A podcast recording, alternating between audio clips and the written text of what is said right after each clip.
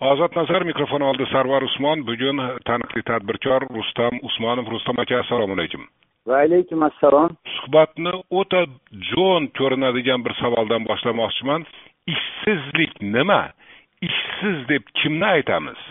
Endi ishsizlikni agar kitobiy nuqtai nazardan oladigan bo'lsak bu iqtisodiy ijtimoiy hodisa bo'lib bunda aholining ma'lum bir qismi o'ziga ish topa olmay qoladi masalan mana bugungi kunda o'zbekistonda o'rta hisobda yigirma million odam ishga layoqatli bo'ladigan bo'lsa shu odamlarni ma'lum bir qismi o'ziga ish topa olmay qoladi.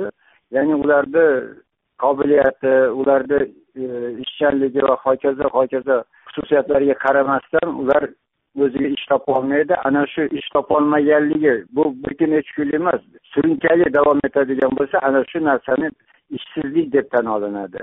Bu endi mamlakatdagi krizisni ko'rsatkichi yoki darajasini ko'rsatib beradi desak to'g'ri fikr yuritgan bo'lamiz savolimga eng jo'n javob ishi yo'q odam ishsiz. Ha? Ishi yo'q odam ishsiz. Bu yo'q kerak. Ishi yo'q odam o'z ixtiyori bilan ishlamasligi mumkin. Uni ishsiz deb aytolmaymiz shunday odamlar bor ular ishlamaydi. Ularni ishsizlar qatoriga qo'shishga haqqimiz yo'q chunki ular ishlashni xohlamaydi ishlashni xohlaydi lekin ish topolmasa ana o'sha odam ishsiz hisoblanadi. O'zbekistonda qancha ishsiz borligini o'zbekiston hukumati keyingi yillarda ochiq oydin aytib kelyapti. Mana kuni kecha e'lon qilingan raqamlar qarang. Joriy yilni birinchi chorakida o'zbekistonda umumiy ishsizlik darajasi to'qqiz butun o'ndan to'rt foizni tashkil qildi.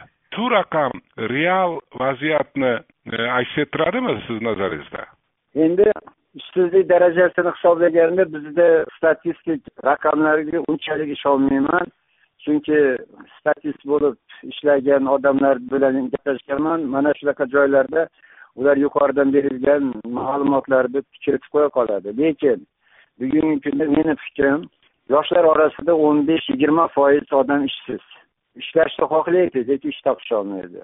Buni statistikada ko'ra olmaysiz lekin mana shu atrofimdagi odamlarni yurish turishiga qarab turib shu kamida har beshta odamdan bittasi ishlashni xohlaydi lekin ish topolmayaptida endi bu yil xalqaro valyuta fondini prognozlariga qaraganda ishsizlik darajasi o'n olti yarim foizga yetishi mumkin ekan. o'n olti yarim foiz. Oldinroq sakkizu o'ndan to'qqizda yurgan edi. Endi koronavirus tufayli boshqa sabablar shunday ko'tarilar ekan. Siz aytdingiz yoshlar orasida yigirma foiz. Umumanchi umuman qancha bo'lishi mumkin deb taxmin qilasiz? Men o'zimni atrofimdagi odamlarni hayotiga qarab ish so'rashiga boshqasiga e, qarab turib aytaman e, o'zbekistonda ishga layoqatli odamni uchdan biri ishsiz. Lekin ular o'zini ishsiz deb hisoblamaydi chunki yashirishni hojati yo'q. Biz uni qo'shnimizni uyiga kirib ham ozgina xizmatini qilib beshta o'n so'm pulini olib bola chaqamizni boqyapmizda. Ana shu nuqtai nazardan xalqni o'zini ichida shu ishsizlarni ishsizligini bilintirmaslik imkoniyati mavjud. Masalan yashirish hojati yo'q tadbirkorlar ham ancha muncha odamlarni ishga oladi ishlatadi lekin rasmiy ish haqi to'lamaydi. Endi bu mavsumiy vaqtinchalik ishlarda doimiy ishlaydigan joy unda albatta davlatni chiqargan qonuni asosida hamma narsa rasmiylashtiriladi. O'sha to'lanadigan ish haqidan to'lanadigan soliqlar to'lanadi sotsial to'lovlar to'lanadi. Lekin afsuski bizda yashirin ishsizlik ko'pda ishlilik bilan ish haqini o'rtasida bog'liqlik bormi yo'qmi? Odam ishli lekin ish haqi juda oz. Endi shuni ishli desa bo'ladimi? shuni ishli desa bo'ladimi yo'q hozirgi holatda surunkali ya'ni doimiy ishlayotgan odamlarni oyligini bugungi kunda mana shu men o'zim atrofimdagi tadbirkorlar bilan suhbatdan bilaman o'rtacha oylik mana shu andijon viloyatida bir million so'm imkon darajasida tadbirkor o'zini ishchisiga bir million so'm atrofida pul to'lashga harakat qiladi. Chunki o'sha bir million so'mdan kam to'lasa u ishchi boshqa yoqqa ketib qolishi mumkin. Yoki bir million so'm to'lasa ishchi o'shani shu bir million so'mga bir amallab o'zini hayotini ta'minlay oladi. Lekin tadbirkor baribir o'sha ishchini ozmi ko'pmi imkoniyat bo'lganda ya'ni qo'liga pul tushib qoladigan bo'lsa taqdirlab turadi. Ana shunday yo'l bilan ishchini ushlab turish mumkin xolos. Xalqaro qandaydir me'yorlar bormi? Ishli deb tan olinadi.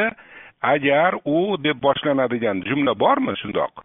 Bunaqa xalqaro talablar bor o'sha talablar asosida ishsizlik aniqlanadi. Lekin biz o'zbekistonda yana qaytarib aytaman u xalqaro talablarga e'tibor berilmaydi. Biz o'zimizni o'zbekona haligi yozilmagan qonunlarimiz asosida ishlaymizda endi qarang mana rossiyada va boshqa mamlakatlarda hammasi bo'lib rossiyani o'zida bir ikki million atrofida o'zbekistonlik ishlaydi ular ishlayotgan joyida ishli.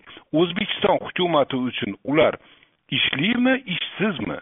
Meni nazarimda o'zbekiston hukumati ularni ishli deb aytishga imkoniyati yo'q chunki statistika bo'yicha ularni biror joyda ishlayotganligini tasdiqlovchi hujjat yo'q. Va rossiyada ishlagandan keyin ular soliqni rossiyaga to'lanadi demak o'zbekistonda ular ishlik emas. Ishlik odam soliq to'lashi shart.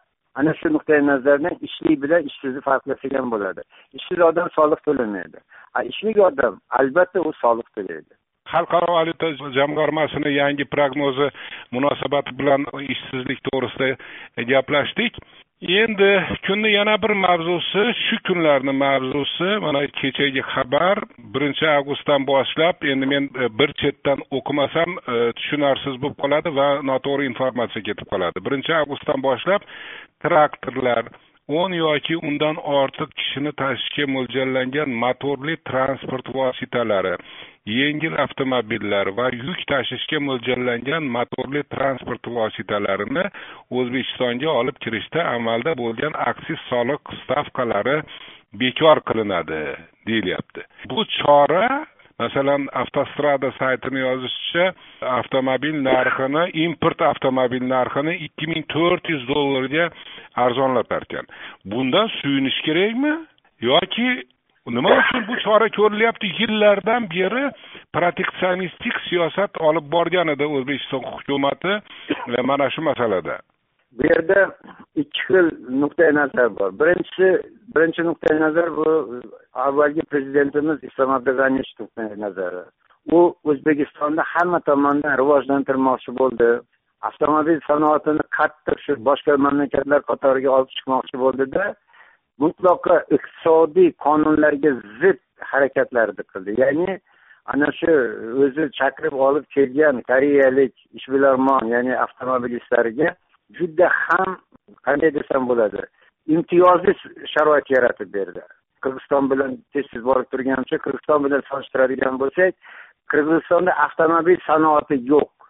Lekin qirg'izistonlik qirg'iziston xalqi avtomobil masalasi o'zbekistondan o'n barobar yaxshiroq ta'minlangan. Ularda qirg'izistonni eski avtomobillarni bu yoqqa olib kirishni iloji yo'q. Chunki eski avtomobilga ham juda katta nima qo'yilganda o'sha e, soliq bojxona to'lovlari bu bilan maqsad o'zimizni avtomobil sanoatini rivojlantirishdir mana lekin avtomobil sanoati rivojlandida biz ularni haligi o'ta ihota qilib ehtiyot qilganimiz uchun ular haligi qo'polroq qilib aytganda yuzini qattiq qilib o'zbekiston xalqini qonini ya'ni pulini so'rashni boshladi. Va ular konkurent yo'qligidan foydalanishib o'zini shartlarini majburan tiqishtirishdi. И bunga bizni tepada o'tirgan ko'pgina rahbarlarimiz ham yordam berishdi. Ana endi mirziyoyev prezident bo'lgandan beri qilayotgan ishlar juda ham yaxshi juda ham iqtisodiy nuqtai nazardan to'g'ri ishlarni qilyapti. Lekin afsuski holva holva holva deganimizdan og'zimizda holvani ta'mini sezmaymiz. Endi rustam akada qarangda yo'q har doim har doim shu amaldagi prezident maqtalaveradida. Endi mana hozir siz siz qirg'izistonni qiyosladingiz lekin e, shundoq darvozalarni ochib qo'ysa e, qirg'izistonga o'xshab yoki tojikistonga o'xshab mamlakat eski avtomobillar bilan to'lib ketmaydimi?